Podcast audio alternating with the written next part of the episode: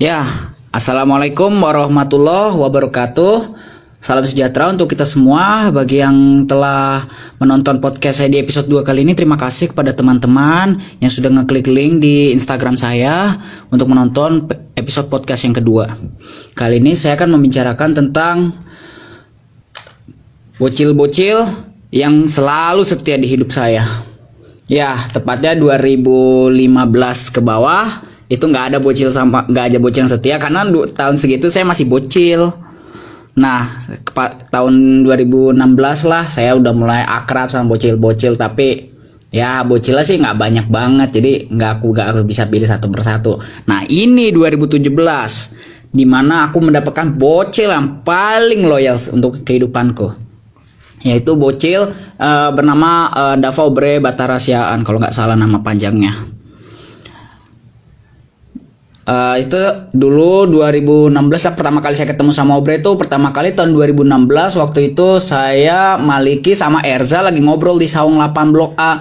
Tiba-tiba saya lihat uh, ada anak ke ada anak kecil sama apa ya bapak saya kurang tahu itu kayak supirnya kalau saya lihat. Supirnya saya lihat dia ke 8 blok A naik motor Supra.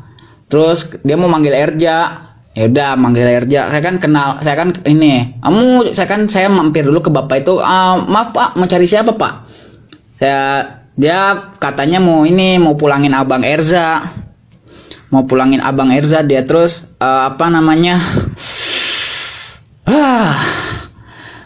Ya aku juga sempat bilang halo ke Obre dia bilang, halo, nama kamu siapa? Dulu saya begitu, pertama kali saya ngobrol sama Obre dulu begitu, tapi Obre memilih diam karena kan dia nggak kenal sama saya.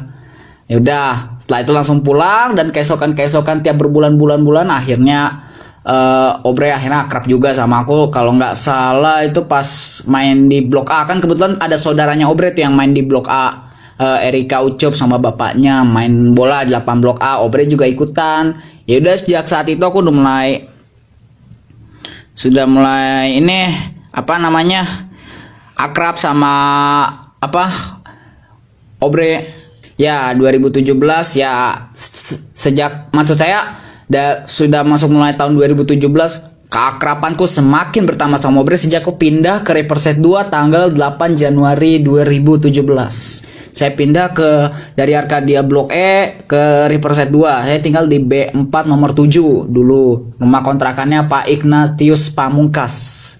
Nah dari situ saya mulai apa namanya sudah hampir setiap hari lah main sama Obre. Entah main bola entah motor-motoran entah bercanda entah marah-marahan entah ya banyak lah Dulu saya sampai diajak nginep di rumahnya tuh, aduh luar biasa. Ya bocah persetnya Obre itu teman-temannya ya banyak banget. Ada Sean, ada Rapip, ada siapa lagi tuh? A uh, Adi, terus uh, siapa lagi? Gerard, sama satu lagi itu kalau nggak salah oh ya Revaldo Jojo oh, banyak lah anak-anak Welly juga nah dari situ saya udah mulai akrab banget sama anak-anak River Set 2 yang kebetulan anak-anaknya wah wah banget lah kalau saya bilang. Ada tuh temenku namanya Aksa tuh orang River Set 2 dia tuh kalau ketemu saya pasti wah banget rasanya. Ya pokoknya bocil-bocil sana tuh setia banget lah. Ya tapi ya mau gimana saya pilih Obres sebagai bocah loyalku tahun 2017 ya sekarang dia udah kelas 1 SMA saya juga udah gak peduli lagi sama dia. Nah kita ke 2018. Nah, 2018 inilah bocah loyalnya paling setia sama aku.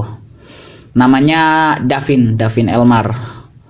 Ya, pokoknya saya udah mulai akrab sama dia tuh ya sekitar tahun 2017 lah. Ya, periode periode waktu aku sama Obre itu. Kan tahu sendiri Davin itu kan temen sekelas temen satu sekolah temen satu kelasnya Rapip. Rapip temennya Obre Nah, saya tuh dulu akrab akrab sama Rapid, tapi aku nggak nggak milih Rapid 2017. Saya lebih lebih milih Obre kalau 2017. Uh, apa namanya? Uh, ya Allah ya Rohman. Ah, itu 2017 2008 dia 2017 saya udah mulai akrab sama teman-temannya Rapid banyak lah saya nggak bisa sebut satu persatu. Ya terutama perempuannya ada Karisa, ada Najla, ada Alia. Wah, saya nggak bisa sebut satu persatu. Nah dari situ ya dulu kak ya dari situ lah saya udah mulai akrab sama Davin. Dulu 2017, 2018 nih saya tambah akrab sama Davin. Sejak dia setiap sore kan setiap pulang sekolah jam hari Selasa ya sekitar jam 3 jam 3 sore lah saya kan lagi seperti biasa mau persiapan pulang briefing briefing dulu buat tugas buat persiapan buat besok atau bla bla bla bla bla. Dulu kalau saya waktu SMP terus si Dav saya masih ingat banget Davin teriak-teriak manggil manggil aku Kaesan Kaesan Kaesan sampai sampai aku tuh nengok ke kaca jendela. Aduh ini anak manggil. Kalau aku dibilangnya dalam hati. Aduh ya Allah ya Rohman saking loyalnya itu anak tapi ya mau gimana ya saya ya tapi mau gimana Davin tuh juga kalau menurut saya juga anaknya lucu banget. Paling lucu di antara semua uh, apa namanya teman-teman alumninya lah saya nggak tahu saya nggak itu karena saking banyaknya. Nah kita balik ke kita ke tahun 2019 nah tahun 2019 ini bocah loyalnya ya cukup membagongkan lah. Banyak sih sebenarnya mulai dari bocah kampung tapi saya milih Ardan Ardan uh, Ardan Prawira yang merupakan tetanggaku sendiri di uh, komplek Arkadia ini. Dia kalau saya bilang lah saya dulu sering sering diajak main ke rumahnya terus numpang wifi lah. Dia tuh juga nggak jarang manggil ke rumah kakak dulu. Ya pokoknya Ardan tuh ya bekas anak buah anak buahku dulu di lapangan blok A. Nah kita ke tahun 2020 sebenarnya di periode awal 2020 saya nggak akrab sama satupun bocil karena bocil yang akrab banyak banget.